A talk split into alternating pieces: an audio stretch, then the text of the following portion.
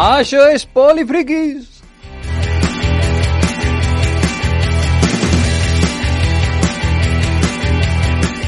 Benvingudes, benvinguts en aquest darrer programa de la temporada de Polifriquis. Això és així, eh? Alerta, eh? Últim. Darrer programa. Últim. El, perquè el proper, el proper dimarts és Sant Madí, com sabeu. No, Sant Madí no. És, no és Sant Madí? Sant Pere. Sant Pere, Sant Pere, Sant Madí, jo què sé. No ho sé, Eh, no, no ho sé, però... Vaya- vaya personatge. És la festa major de Sant Cugat, Aquí com estem. sap tothom, i, i no, no hi haurà programa.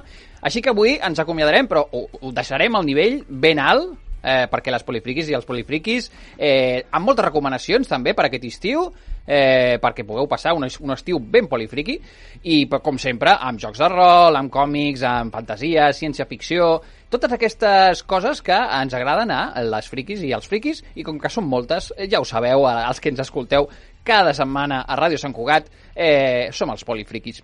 Eh, saludem, com sempre, el nostre, el nostre equip. Avui eh, no tenim el Millán Mozota, el nostre arqueòleg boig, eh, no, s'ha hagut de, de disculpar avui, no, no, no el tenim, així que ocupa la seva cadira el, el nostre llibreter, eh, dis- disposat a, a, allò, a fer-nos venir ganes de comprar molts llibres.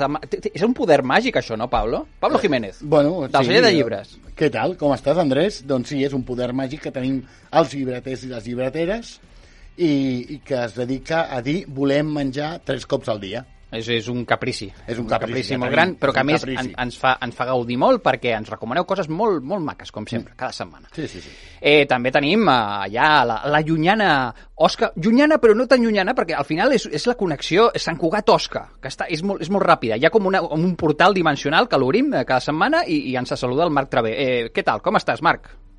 Bé, bé, bé, jo sóc el que li paga els berenars. sí. És veritat, és veritat, que sempre caus en les trampes del, del, del Pablo. I també els controls tècnics, el, el, el, el, el volant d'aquesta nau de botonets i coses i volums i tot, el Pablo del Canto, com sempre. Què tal, Pablo? Com estàs? Bé, diu que així amb el cap. Molt bé, molt bé. Molt bé, Molt molt, bé. nit. I qui us parla, l'Andrés Palomino.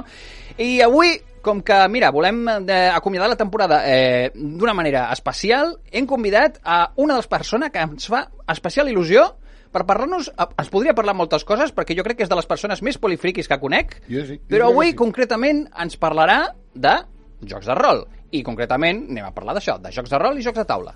Abans de que el presentis, jo ja, ja aprofito... No, no trepitgis la sintonia, Marc, escolta, però què estàs fent?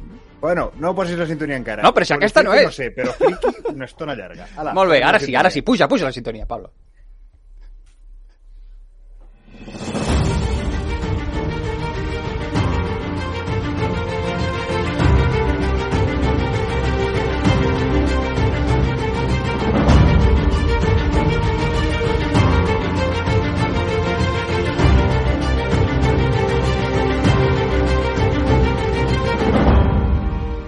I amb aquesta sintonia èpico-decadente jo crec que és la, la millor manera per rebre el nostre convidat d'avui. Un d'aquells noms que quan el pronuncies en qualsevol cercle, cercle polifriqui, qualsevol pues, eh, d'aquestes persones que, que juguen a jocs de rol, que llegeixen còmics, que veuen pel·lícules de, de fantasia, de ciència-ficció, que, llibres de, de, de totes aquestes coses que ens agraden als polifriquis, pronuncies el seu nom i sempre, sempre s'il·luminen, brillen els ulls. És com, ai, home, esclar, I Cels, Cels. Pinyol, Cels Pinyol, bona nit, Cels Pinyol, com estàs? Què tal? Bona nit.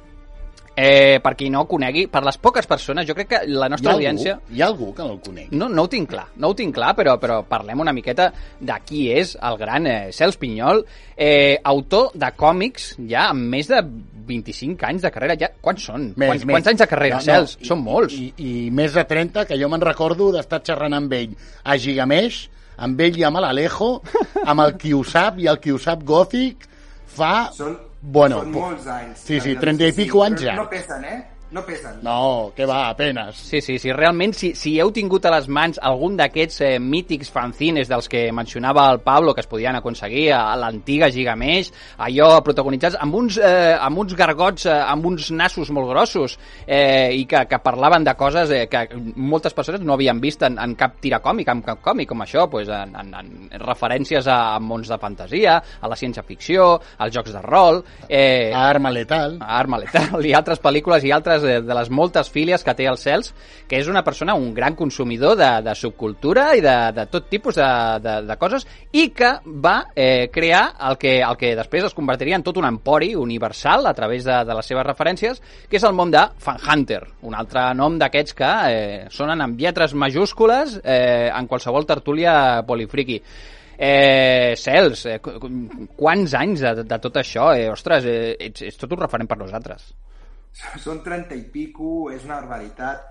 Jo també, com els llibreters, els autors també tenim la mala costum de menjar tres vegades al dia, però Ah, el que passa és que en el meu mite. cas consumeixo cultura i subcultura, saps? Llavors, clar, alimentar-me de tot això diu el meu metge que és el que em manté amb un, amb un nivell intel·lectual i físic de, dels 14 D'un xaval, d'un xaval de 14 anys, perfectament, perquè és de les persones que conec que es manté més activa i que fa capaç de fer més coses a la vegada.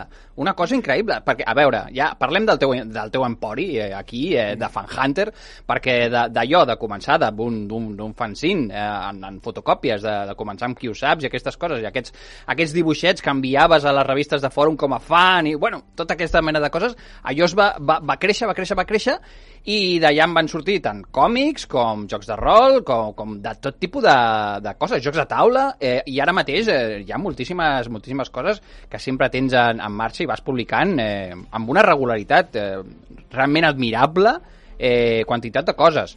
Eh, en quin punt està, està Fan Hunter ara, ara mateix, Cels? Doncs està en aquell punt que tots els autors ens agrada, que és eh, aquest retorn als orígens. Eh, per què? Perquè, bueno, a veure, sí que veritablement l'edat, les responsabilitats, les responsabilitats familiars, laborals, sí que, com tu dius, Andrés, em fico en més coses de les que puc, precisament perquè, perquè m'agrada tindre un plan B, un plan C, un plan D per si alguna vegada faig alguna cosa, no?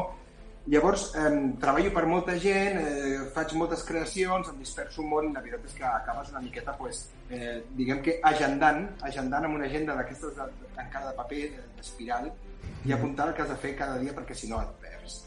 I llavors eh, eh, pues, hem hagut d'anar un back to the basis, ¿vale? un back to the basis que, que significa pues, eh, el que vol la gent. El que vol la gent és eh, seguir utilitzant els conceptes de Fan Hunter que més funcionaven fa 30 anys, estem veient amb els jocs de rol que funcionen també ara, i anem a explotar-los, explotar-los d'una forma doncs, molt simple, doncs, amb, amb històries més curtes, històries més comprensibles, comencem a, a rebre feedback d'altres països i hem de fer aquest univers Fan Hunter comprensible a molta gent. Com que veiem que ho tenim fàcil perquè hi ha una tercera generació de lectors que s'està incorporant, doncs hem, hem vist que, que hem de seguir per aquesta línia.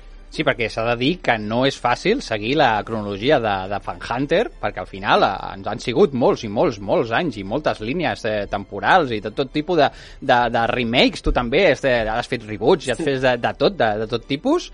Eh, I realment és, és una mica complicat de, de seguir en algun moment, però eh, tu també t'has pres la molèstia de fer-ho accessible a, a les noves generacions, en els nous formats que, que han anat apareixent, en els recopilatoris de, de Fan Hunter, com en el, en el joc de rol. Parle, ara ens centrarem bastant en el que és la nova edició del joc de rol de, de Fan Hunter, eh, que un joc que en els anys 90 eh, va ser tot un referent per tota una generació de, de jugadores i, i jugadors. Eh, abans d'això, resumim un, una miqueta. Eh, jo que sé, eh, Marc, de, tu que no sé si quants anys tenies als anys 90, tu, tu vas arribar a conèixer el nom de, de Fan Hunter, de El juego de rol épico decadente, mític, aquell, aquell, aquella edició, aquella segona edició maca? Sí, de fet, eh, en tinc diversos exemplars d'aquella segona edició. Va ser el primer joc de rol d'aquests així que, que em vaig comprar pràcticament jo, no dels que em van regalar, perquè clar, era dels barats, era el gran argument que sempre expliquen tant en Xavi com en Xema com en Cels, de dir valia mil peles i amb allò era accessible, no? Eh, de fet, els tinc tots. Tinc tots els suplements del, del joc de rol original i els del Vampiro, i sí, sí, jo, jo, jo els tinc tots, els havia gaudit però als 90, doncs, no, jo els vaig agafar una miqueta més tard. Jo recordo que el 1990 tenia 6 anys. Molt bé, doncs aquest joc de rol va, va ser un gran èxit de vendes i va ser un dels camins d'entrada eh, de, de, molta, de moltes jugadores i jugadors de, de rol. A mi molta gent m'ha dit, no, no, jo el primer joc de rol que vaig jugar va ser el joc de rol de, de Fan Hunter. No sé quin, quin, quins inputs tens tu d'això, Cels, quin, de l'impacte que vas oposar de, del joc de, de, que vau fer entre el, el Xema Pamundi i tu. Moltíssim. El- L'estem rebent eh, encara ara i el rebem per diferents bandes. Bueno, en aquella època, pues, quan era un bebè al Marc, pues, jo tenia 22 anys. L'any 1992 és quan es va publicar la primera edició del joc de Fan Hunter. Fotocopiado, fanzineado, fet a potxes i a mèdies amb el, amb el Xema Pamundi, amb el Xavi Garriga, amb l'Avero... Eh, aquell, o sigui, en aquella època érem, érem tot un equip, l'Antonio, el... El Diqui, el, Diqui Miracle. Sí, sí, sí, era, era, érem tot un, un equip de gent molt que treballàvem junts, eh, treballàvem, compartíem espais moltes vegades i, i tiràvem endavant això, però amb una improvisació total. O sigui, això que dius de que és difícil de seguir Fan Hunter, és que sempre ha sigut així. El cànon com ens ha donat la gana. Hem intentat fer guies, Andrés. Hem intentat fer guies de, de Fan Hunter per a sèries d'animació, per, per jocs de rol i tal, i hem fracassat. Hem fracassat. És, és impossible establir una cronologia. Jo ho vaig intentar en el seu moment. També eh? S'ha de dir que heu, vau fer un esforç especial precisament la, la, amb la nova edició de, del joc de rol de, de Fan Sí. Hunter eh, i, i déu nhi aquesta gran edició que va ser molt esperada i, va, i molt hypejada perquè vau trigar molt. A veure, el Xema i tu, què, què va passar? Per què vau trigar tant a fer una nova edició eh, de Fan Hunter? Mira, eh, fixa't com havia d'anar. Jo vaig cedir els meus els drets de Fan Hunter, que van començar doncs, molt, com deies tu, amb autoedició total, molt fantinero, seguint molt l'estela autodidacta. Jo l'autodidacta seguia l'estela de les tortugues ninja. Mira, doncs, amb, el seu, amb el seu moment eh, doncs, va, anar, va anar creixent, creixent, fins que fa uns anys vaig cedir els drets de Fan Hunter a l'empresa de Vir de Viribera, o sigui, los CERES, pues, bueno, és més o menys el que vol que sempre un autor, no? Pues, pues, cedeixes a canvi d'uns calés els, els diners perquè tenim els teus productes Uh -huh. i ja està. Llavors, clar, eh, quan nosaltres teníem planificat el llançament dels nous jocs, perquè això es va fer si jo cedeixo la marca però per publicar jocs, l'estratègia era llançar el joc de rol que sabien que havia molta gent encara que el volia i d'aquestes tres generacions potser de fogones i després treure el de cartes i el de, i el de figuretes. Va sortir el de figuretes, estàvem treballant amb el de rol. Va sortir el de cartes i seguíem treballant amb el de rol. Van sortir dos més, dos més, un d'altre de cartes i un altre de figuretes i encara seguíem i, i anàvem creixent, creixent. Xema té un ritme de producció, l'altre dia ho comentava amb el Josep Busquet en una altra entrevista, i, i té un, un ritme molt pausat, molt meditat, però el que passa és que saps que si tu el deixes treballar i el deixes, no el pressiones, et crearà una obra mestra, com és el joc de rol. Però clar, què passa, amics benvolguts? No és un còmic que tu comences en un dia i com quan teníem 14, 15, 19 anys l'acabes 24 dies després sense dormir, no? O 3 dies després, inclús si vols. El joc de rol és una cosa que significa maquetació, que significa ficar les tables, que significa revisió per revisió, revisió. Hi ha com 50 versions finals del joc fins que va, fins que va trobar l'equilibri perfecte. M'explico, Andrés? Sí, sí. Llavors, clar, si aquesta, aquest sistema de feina el trasllades a, a, a, a, un, a, a tres equips, pues, vale, como tres años haciéndolo. Fantàstic. Doncs sí, van ser 3 anys eh, durant els quals eh, les fans i els fans de, de Fan Hunter us anaven preguntant constantment per aquesta publicació d'aquest joc de rol i la vostra resposta sempre, sempre, sempre era la mateixa. Quan sortirà el joc de Fan Hunter i quina era la vostra resposta, Cels? En dos semanas. En dues setmanes, dues setmanes eh, falten dues setmanes per publicar-ho. Doncs precisament eh, aquest és el títol, eh, dues setmanes després, és el títol del primer suplement eh, del joc de rol de Fall Hunter, publicat per, per Devir Iberia. Eh, un suplement que està a punt de sortir, que de fet està, està ja en campanya de, de prevenda i, i que està a punt de sortir, i que serà el primer suplement que compta amb una sèrie d'aventures eh, escrites per eh, la crema i la nata del món polifriqui, eh, que mare meva, mare meva, quin suplement que us heu buscat aquí per, per treure per Far Hunter Cells. Sí, Andrés, és que aquí està la resposta a la teva pregunta d'abans. Hem rebut inputs de petició de que la gent segui, segui interessada en jugar, a part de llegir còmics i llegir les novel·les de Fan Hunter, volien seguir jugant. I l'input més gran de tots és que hem reun, reunit a, a la florinata de l'antigua generació de creadors que encara estan en, en, en actiu i de nous creadors que eren bebès, eren nens, eren, eren marcs petitets, eren, tenien 6, 7, 8 anys quan Fan Hunter es va publicar, no? Llavors, clar, què tenim? Tenim el Xeva per un costat, Xeva Pamundi, creador del joc. Tenim a Ricard Ibáñez, que és el creador d'Aquelarre. I tenim Álvaro Loman i a Zon PJ, que són, entre cometes, són entre cometes una nova generació de, de, que ja entra doncs, bueno, en Savage Worlds, que ja entres amb, amb els llibres apocalíptics del Loman, que és com el van conèixer. Ostres, veus, hem juntat dues generacions d'autors basats a- per, perquè fagin cànon ara d'aquesta obra. L'input no pot ser millor, crec jo. Vamos, estic supercontent, soc com un nen. I, ui, i clar, per, un altre, per, per acabar, no? Ho heu il·lustrat. Jo m'he posat a il·lustrar les aventures d'aquests senyors, no? I per mi ha sigut tot un honorazo. Bueno, i ens han fet uns mapes a l'Ex Taló Sí, sí. per cada un dels aventures que no vegis. I la Roxas no s'ha currat un color collonant. Perdona, que sembla que ho estigui venent. No, no, però és que és així. Realment eh, té un aspecte espectacular els avançaments que, que heu anat fent. Eh, si no m'equivoco, surt a, a l'1 de juliol, pot ser, a la, a la venda? Sí, en dues setmanes. En dues setmanes, justament, avui. bueno, fa dues setmanes que vam anunciar que sortia ja i teòricament, si tot va bé, perquè hi ha hagut una mica de confusió de dates, mm. sobretot per, la, per les prevendes i per quan és la presentació, però surt el divendres, el dia 25 hauria d'estar ja a, a tendes. Parlem precisament d'això que comentaves, la presentació, d'acord? Està anunciada, ja l'has anunciat, mm. aquest apocalipsis, eh, concretament l'1 de, l'1 de juliol, Sí. eh, a la, a, qui, on, on podia ser? No podia ser a cap altre lloc com és el temple del vici i la subcultura a Barcelona i del món, eh, l'imperi de, de, de, de, del papa Alejo, eh, ni més ni menys que la botiga Gigamesh, eh, sí, centre de referència, claríssimament. Eh, com Sí, serà sí. aquesta presentació, Cels? Pues eh, la presentació serà, serà molt VIP, molt VIP perquè menys l'Àlvaro Loman, que no pot venir desgraciadament, però potser fa una intervenció eh, online o, o si no, doncs per la propera vegada comptarem amb ell, però és que ve tot l'equip. O sigui, estarem allà, eh, jo li deia la, tota la oficialitat, o sigui, la presentació seria, les presento a la oficialitat de l'Octubre Rojo, no? Perquè estem tot, tot de- d'aquest joc estarem allà que també, eh, clar, jo he estat signant i tal eh, per les prevendes i això, però és que a més tot l'equip estarà allà signant. Farem una presentació conjunta, eh, Gigamesh no sol habilita, saps que tenen una part a- al final on hi ha unes petites presentacions amb un, un aforament limitat també ara per temes de la pandèmia i tal, doncs en aquest cas treuen les cadires a fora i tota la tenda, tota la tenda, tota la botiga, tots els passadissos de la botiga que, que té 500.000 metres quadrats podran ser ocupats per públic. Fantàstic. Llavors, eh, clar, això ens dona... Eh, serà això, una presentació amb tot l'equip, amb tot molt de públic, convidats, amics i tota la gent que vulgui allà perquè, clar, tindrà la signatura i la presència de tots els autors. Cels, ja que, ja que et tenim aquí, tu ens coneixes, a més, no només com a polifriquis, sinó amb una altra vessant més solidària, ¿vale? perquè bueno, tens aquí dos presidents d'Ayudar Jugando, tens un col·laborador de tota la vida d'Ayudar Jugando com és l'Andrés, Jo tota la vida no, eh? no exageris. bueno, bastant, bastants anys també, eh? bastants anys. Però, home, jo t'ho he de demanar, aprofitant que els tens a tots allà, home, ens signaràs un per Ayudar Jugando, no? Anava a dir, a què no t'ho veies venir, això?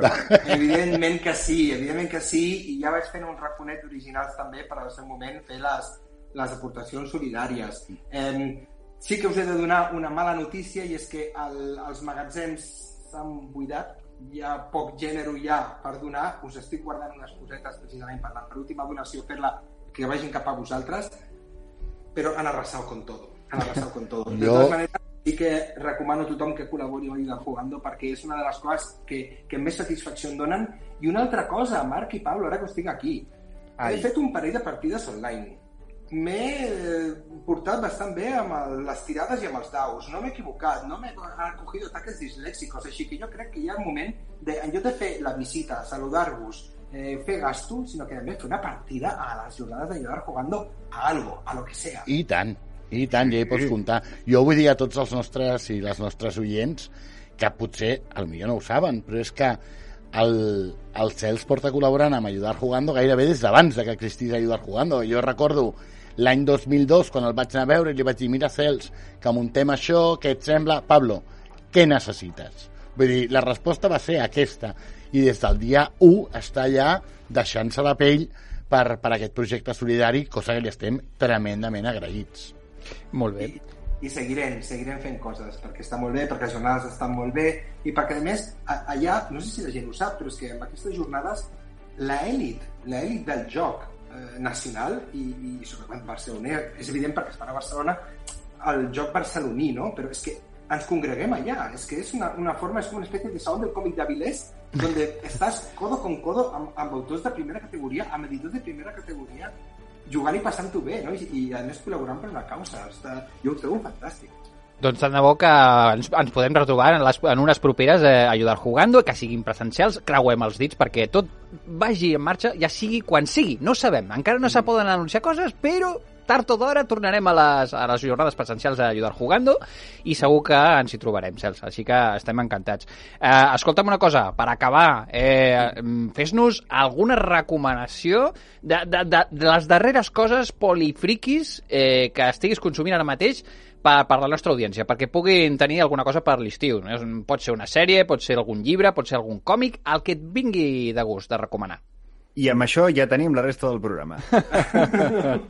No, no, no, mira, eh, seré, seré molt classicón, seré molt classicón perquè eh, si, si vols que et sigui sincer i no faci postureo, eh, si no vols que faci un Andrés, o sigui, dir Ai, ai, ai.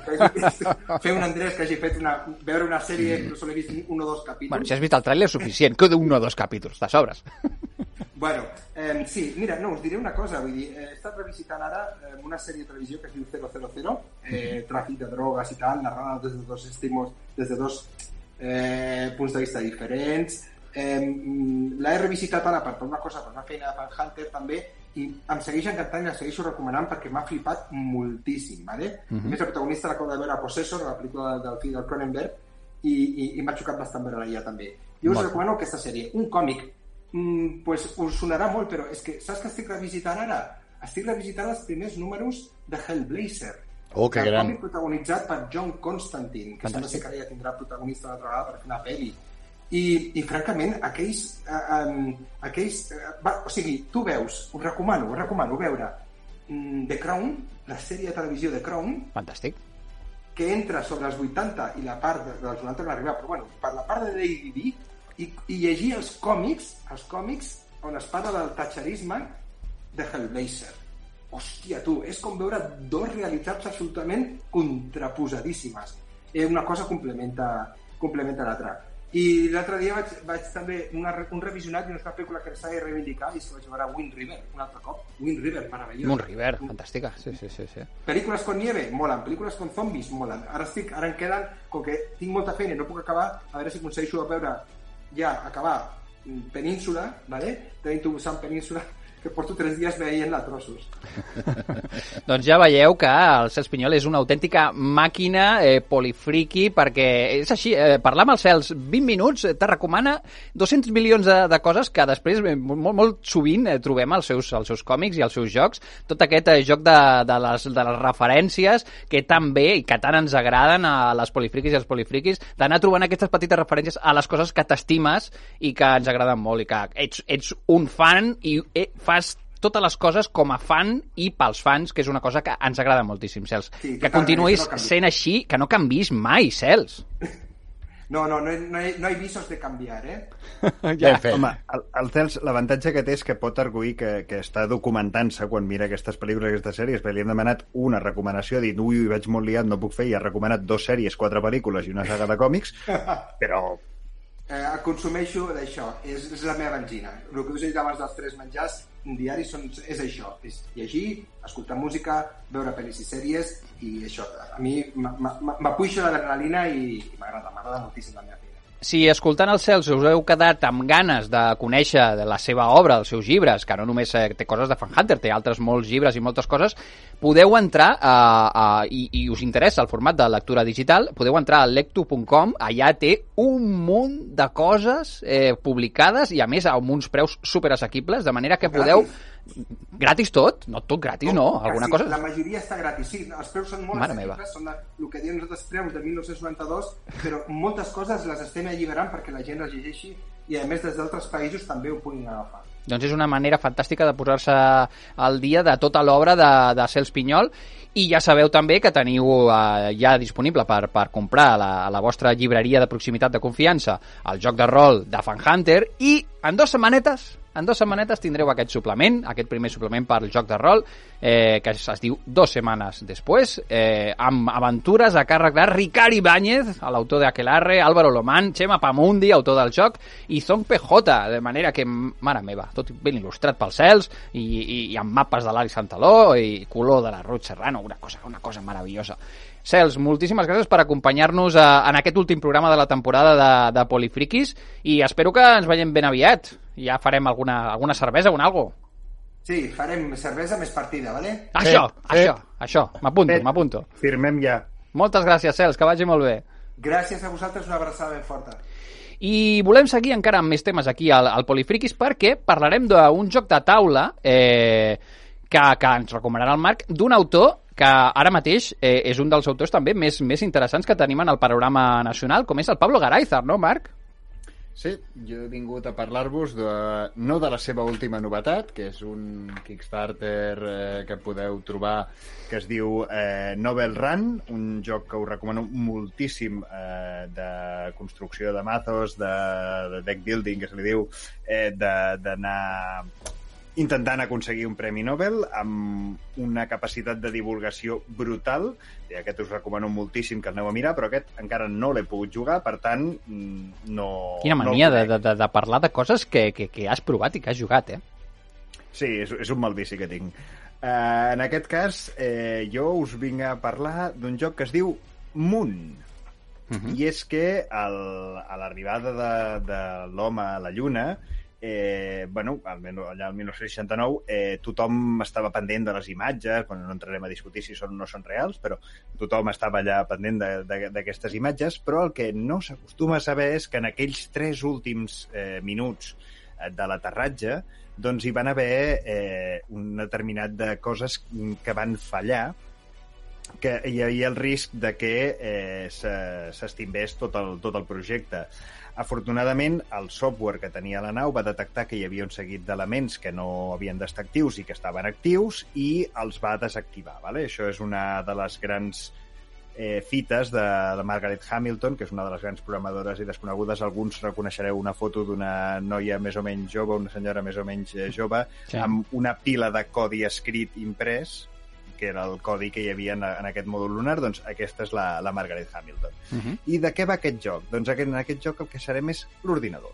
Tindrem un taulell que es construeix amb un seguit de cartes que indiquen bits apagats o encesos en funció de si estan un, un cercle buit o un cercle eh, omplert, i ordenats eh, de manera que formen grups de 4 bits per eh, simbolitzar el que són mm, registres en un ordinador. No? Llavors, què haurem de fer?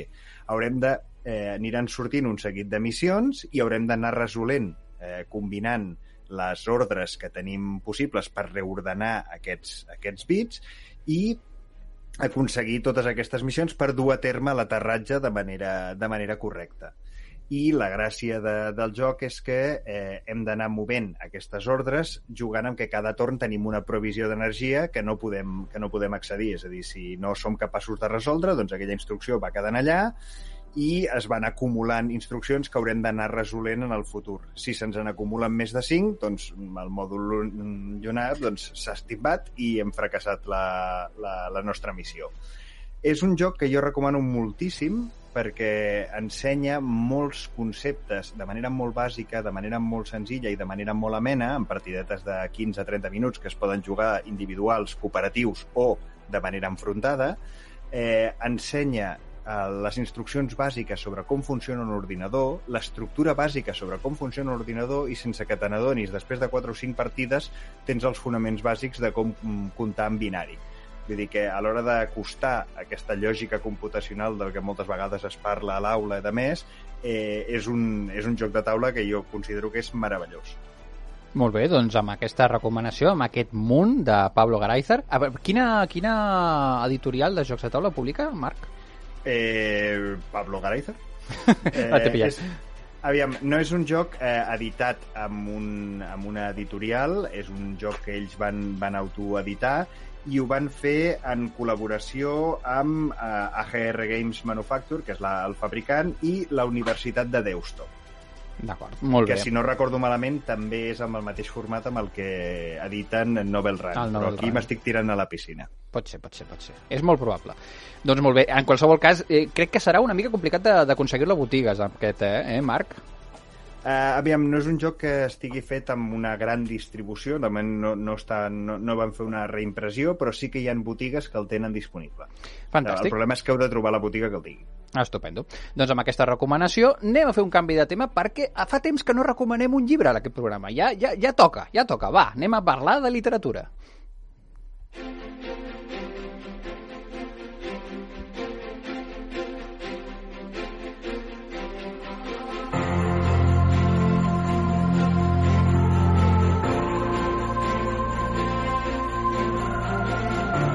és sentir aquesta, aquesta sintonia, ja un li venen ganes de passar pàgines, eh? Sí, sí, sí. Estem, estem segur que és la de, la de llibres, aquesta? Sí, sí, ho sí tinc segurs, eh? com, com si les hagués decidit jo, la sintonia. Pablo Jiménez, el nostre llibreter boig del, del celler de llibres de, de Sant Cugat. Eh, escolta, arriba l'estiu, aquí necessitem lectura. ja, però jo no vinc a parlar de lectura avui. Ah, doncs molt bé. Eh, bé, doncs, me, Tu, mira't l'escaleta. Què posa Jo no sé, a mi m'has posat un número aquí i Què posa? eh, posa Quin 42. Què vols dir? Ara recomanaràs 42 llibres? No, no, què és 42? Per un polifriqui. pues, no sé, pot ser una referència, potser, a una certa guia de certa autostopista Molt bé, galàctic. doncs amb és, aquesta... és la resposta a, a la pregunta fonamental de l'existència de l'univers i de tot. Ara, Sí, sí, sí. Doncs 42, encara que sembli el títol d'un llibre, que ho podria ser, que ho podria ser, en aquest cas no parlem d'un llibre, parlem d'un festival.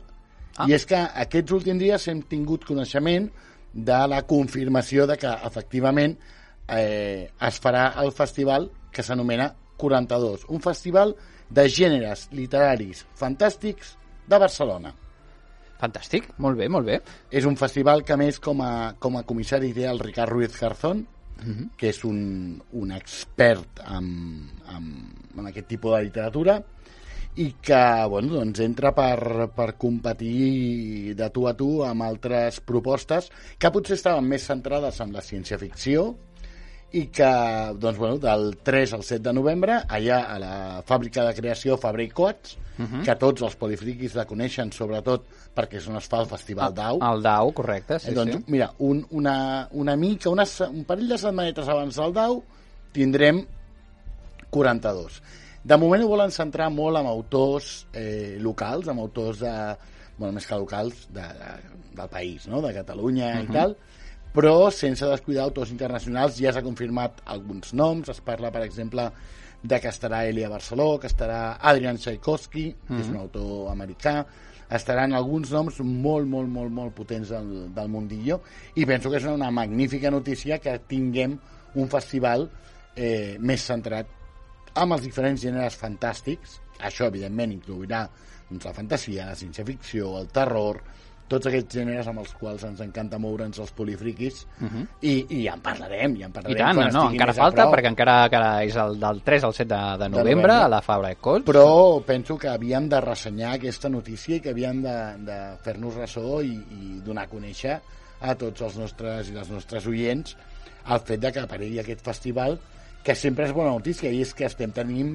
amb el gènere fantàstic estem tenint una pujança uh -huh. absolutament meravellosa Molt bé, doncs amb aquest eh, nou festival eh, a Barcelona de, dedicat als, als gèneres fantàstics, a la ciència-ficció, com la, la, la fantasia també eh, s'hi dedicarà, i aquests gèneres que tants ens agraden a les polifriquis i als polifriquis. Eh, mira, anem a poc a poc recu- recuperant la- l'activitat cultural presencial eh, i a veure si això, ja a poc a poc anem, anem citant-nos tant en festivals com en, com en jornades i aquest tipus de coses que tant ens agraden a les polifriquis i, i als polifriquis. I amb això, eh, crec que ja és un bon moment eh, per parlar una miqueta de còmic.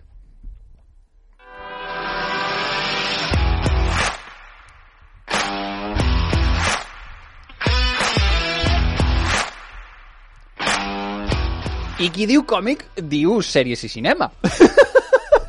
Ara m'està canviant aquí. Les... No, he sigut jo que m'he canviat la- l'escaleta. Però jo crec que còmic està bé. El còmic està bé. Anem a parlar de còmic perquè després del llibre s'ha de parlar de còmic. Això és em sembla bé, em sembla bé. Vinga, Has Pablo. canviat l'ordre de l'escaleta No passa res, no passa res, perquè mira, a més, ara Era torne... l'últim programa de la temporada, Pablo. perquè ara podia- ho tornaré a canviar, pretendre- i no només això, sinó que en lloc de donar-te pas a tu, Pablo, donaré pas amb el Marc, que ens porta un còmic molt... no sé, no sé, d'aspecte gòtic, va. Oh, que malo. Marc, eh, s'ha quedat, s'ha quedat fregit el Marc. Com, perdona? No, no, que t'has quedat allà fregit amb el canvi de... Digues, de, el, el còmic es diu Gòtico, de què va això?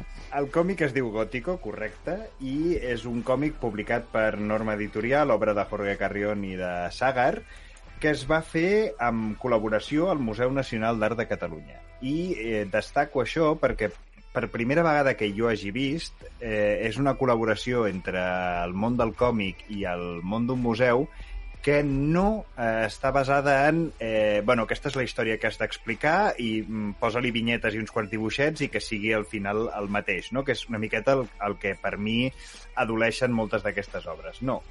És un còmic eh, que el que fa és, a través de les diferents obres que hi ha en el Museu Nacional de Catalunya i fent la, re la reproducció i fent eh, algunes notes històriques, uh -huh. sobretot del que tracta el còmic de fons és del, de qüestionar quin és el paper que ha de tenir un museu.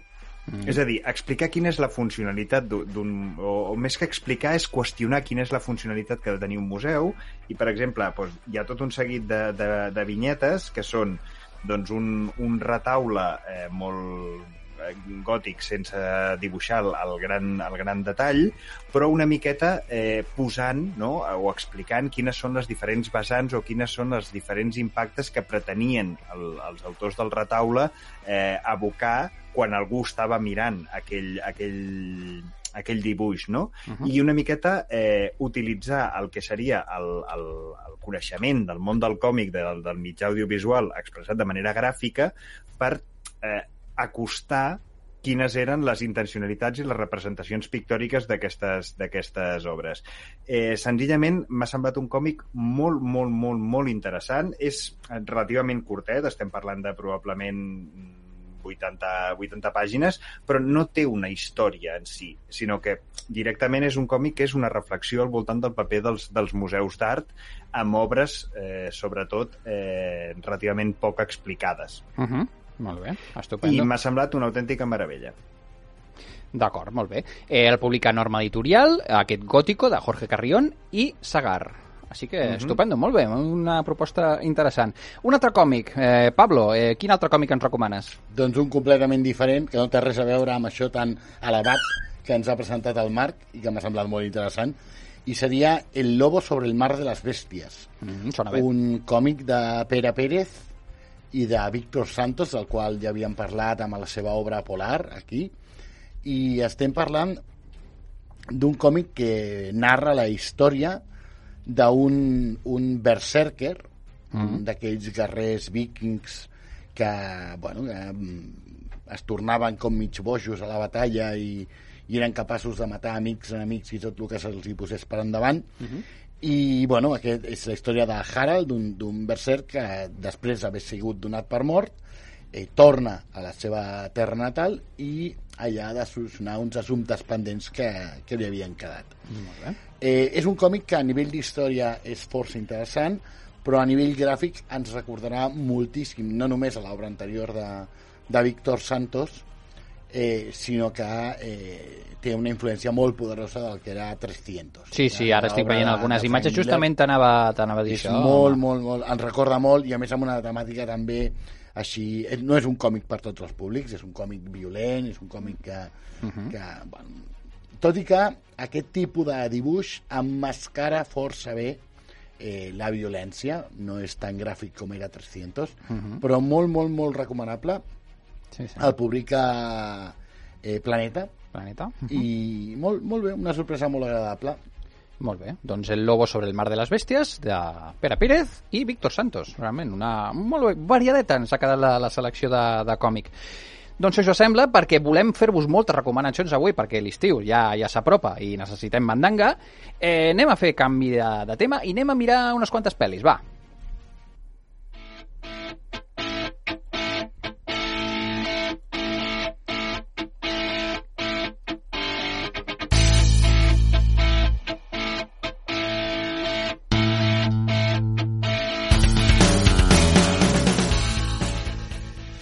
Doncs començarem eh, per la darrera pel·lícula de, de Pixar, que ha sortit directament eh, per la plataforma Disney+. Plus. Eh, concretament, eh, es diu Luca, però eh, ja us avanço que s'hauria de dir eh, el retorno a Innsmouth, eh, sí, versió és una pel·lícula, Pixar. com tu deies, és una pel·lícula molt profunda. Molt profunda, molt, molt profunda. És un acudit que repetirem eh, fins la sacietat amb aquesta, amb aquesta pel·lícula.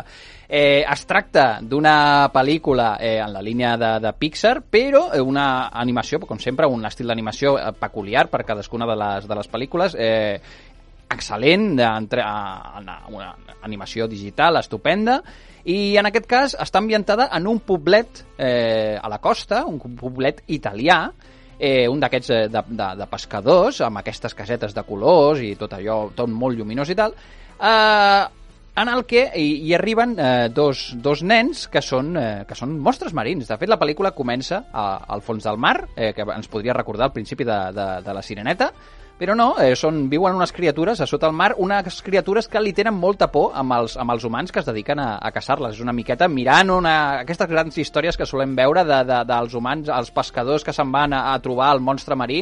Doncs resulta que els monstres marins potser tenen més por que, que, que no pas eh, eh, nosaltres, nosaltres d'ells.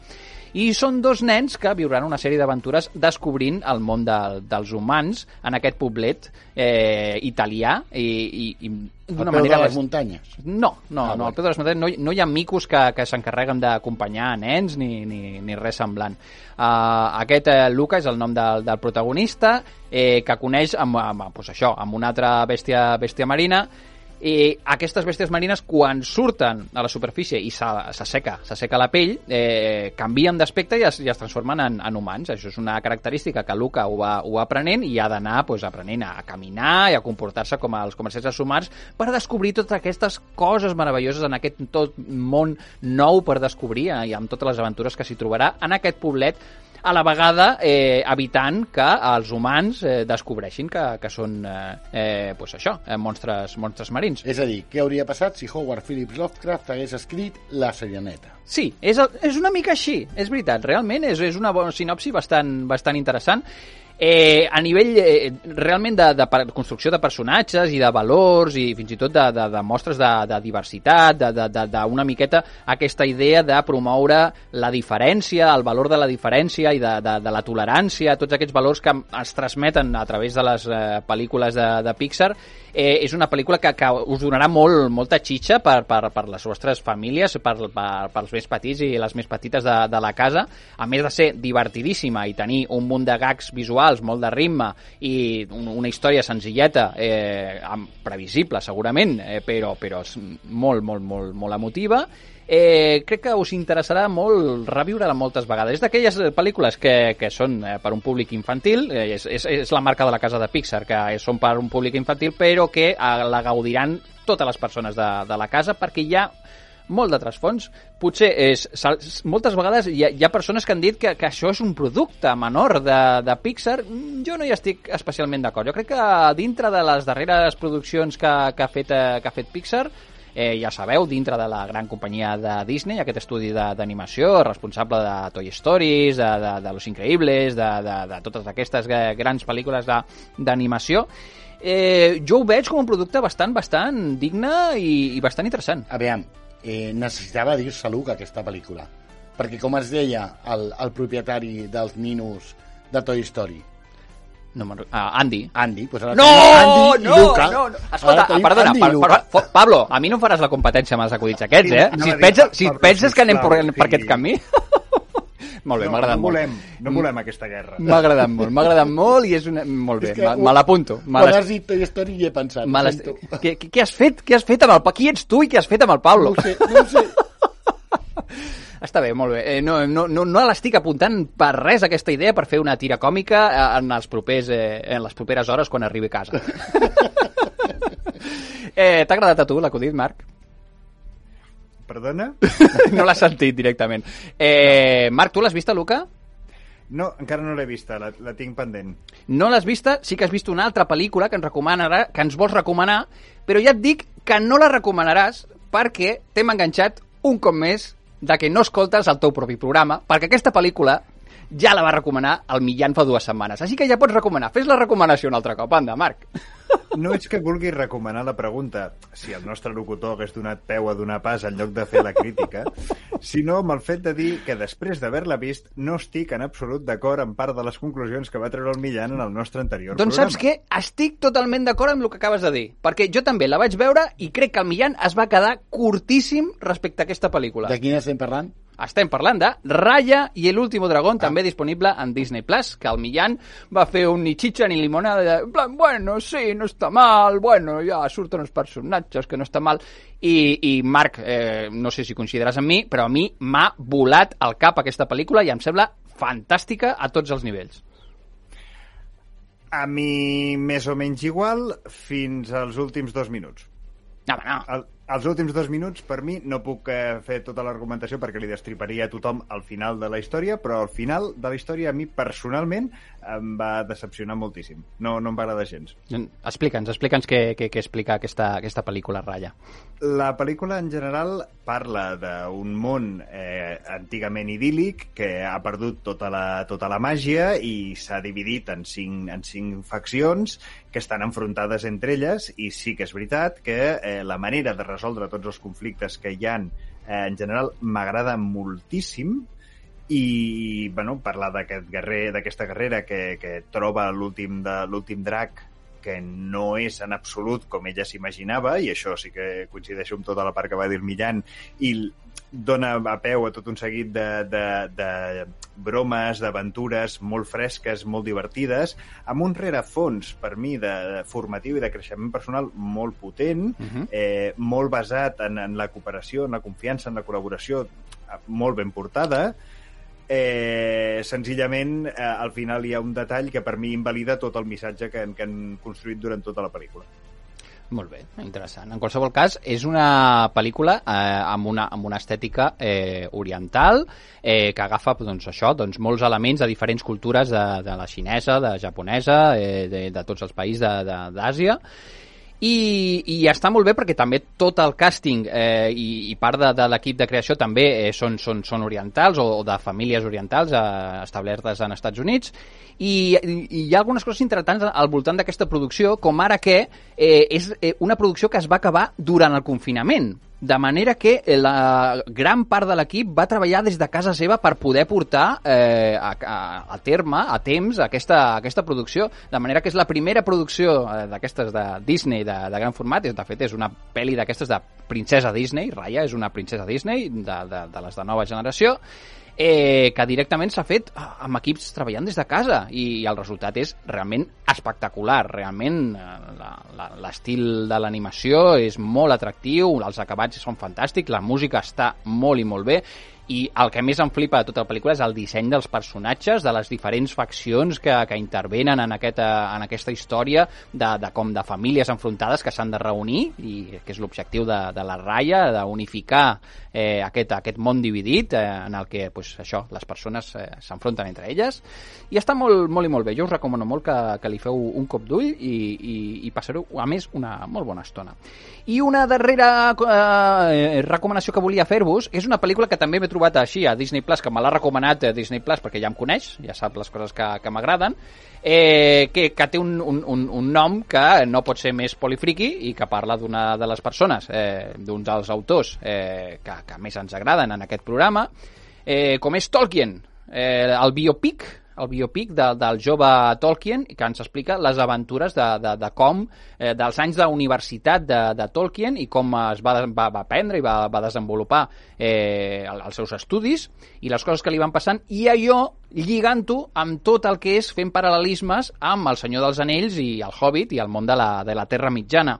Eh, crec que és una pel·li que està molt bé, que enganxa bastant i respecta molt el que és, el que és la figura de, de Tolkien i bueno, aquesta persona erudita que, que estimava per sobre de tot el tema dels llenguatges que fins i tot va crear molts, molts llenguatges propis, tot el llenguatge dels elfs i tota aquesta història. I... Sí, sí, sí, sí. I, i, i era molt especialitzat en les, en les paraules i em sembla molt interessant eh, doncs, explicar una miqueta com eh, aquest, aquest orfe que arriba doncs, això amb una família eh, que li, li financia els seus estudis perquè és un nen especialment especialment brillant i, i, i acaba doncs, aquest orfe participant en una escola d'elit on van a parar les famílies més, més famoses d'Anglaterra i envien els seus fills perquè estudiïn i allà forma doncs, una, una, una companyia, un, un grup d'amics que, que després... És Els la... Inklings. Exacte, que la, la pròpia pel·lícula doncs, doncs, fa el paral·lelisme amb la companyia de, de l'Anell, del Senyor dels Anells. És una cosa que fa des del principi, tant des de les escenes de la Primera Guerra Mundial, on es veu a Tolkien, que són un paral·lelisme amb el viatge de Frodo i Sam per Mordor, i com arriben allà i com van arrossegant-ho per les trinxeres i tal. Està molt ben, molt ben trobada l'estètica i els paral·lelismes de les diferents històries, i, i és una història d'amistat i de, de, de, de que, que està molt bé. Molt, jo crec que per ser un biopic, que és de, de vegades aquestes pel·lícules doncs, són, deixen una mica que desitjar, està molt ben resolt i m'ha transportat una miqueta al que seria la, la vida de Tolkien, que entenc que està amb un pèl eh, ficcionat, com sempre, evidentment, en servei de la pel·lícula, però que si sou fans de, del Senyor dels Anells i del món de, de, de Tolkien, estic segur que us interessarà moltíssim. Home, personalment, jo la veritat és que just m'ha enganxat que m'estava llegint una de les biografies de Tolkien i, aviam, hi ha, hi ha més eh, simplificacions, llicències cinematogràfiques de simplificar elements, perquè hi ha dades que efectivament estan error, són errònies aparentment, eh, no és que sigui un expert jo en la vida de Tolkien, però sí que hi ha alguna cosa que igual s'ha simplificat, però a mi, per exemple, em va sorprendre molt positivament, perquè, aviam, mm. la, la, a banda del, del temps de la Primera Guerra Mundial, que al final pràcticament no se li dona metratge a la pel·lícula. No, no, no, és, eh, són els anys de, de, de, de la universitat. La vida de Tolkien, sí, sí. més enllà d'haver-se quedat orfa i haver anat a parar en una altra família i conèixer la, els seus amics, eh, és una vida bàsicament centrada en llegir, escriure, estudiar, aprendre i discutir, és a dir, va tenir una vida prou tranquil·la i prou... no una no vida tremendament trepidant, com qui diu, no? I jo em pensava, dic, uf, a veure com s'ho hauran fet per fer un biopic de gairebé dues hores d'aquest període històric de la vida de Tolkien, que era un senyor mm, que tendia a voler fer la vida d'un hobbit. I, i sincerament, eh, és prou entretinguda i, i té un ritme prou, prou potent i aquests elements que deies tu de les imatges de, bueno, i d'aquí podria sortir la idea, que al final és un, d'aquí podria sortir bueno, la idea. Sí, de... sí, és, és especulació estan, purament narrativa. És especulació tot, eh? purament narrativa, però estan molt ben col·locades, molt ben posades i molt ben fetes i li aporten un, un, un deix narratiu i un ritme que, que ja et dic, a mi em va sorprendre gratament. Acabem amb aquesta recomanació de, de Tolkien, eh, canviem de tema i anem a recomanar uns quants videojocs.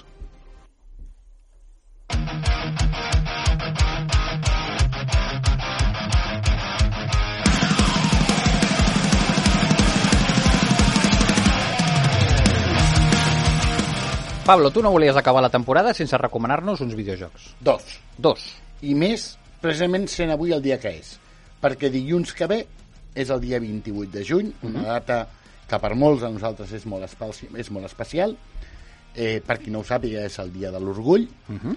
i ho celebrem aquí el dia de l'orgull, i hi ha dos videojocs dels quals no vull explicar absolutament res, fixa't quina recomanació, Quina bona recomanació, m'encanta. i que qualsevol que hagi jugat algun d'ells em donarà la raó. I són Life Estàs is acostumant perillosament a la metodologia, Andrés. Tu Sí, també, sí, ara, sí. Eh? Bueno, si els has jugat ja m'ho diràs, Marc.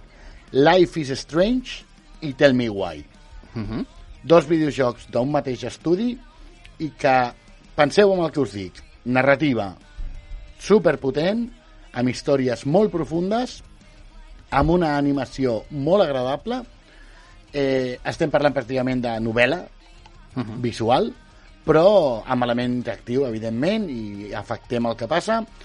Eh, Life is Strange, la, el, el capítol 1 és gratuït, i Tell Me Why, que durant tot el mes de juny, precisament pel, pel, pel És el mes de, de l'orgull, sí. doncs tot el mes ha estat gratuït.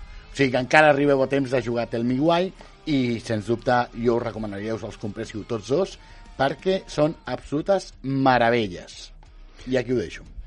Molt bé. A- On es poden aconseguir, Pablo? A Steam, sense problemes, no sé si estan a PlayStation Store o botigues d'aquestes de consola, però a Steam els trobeu sense problema.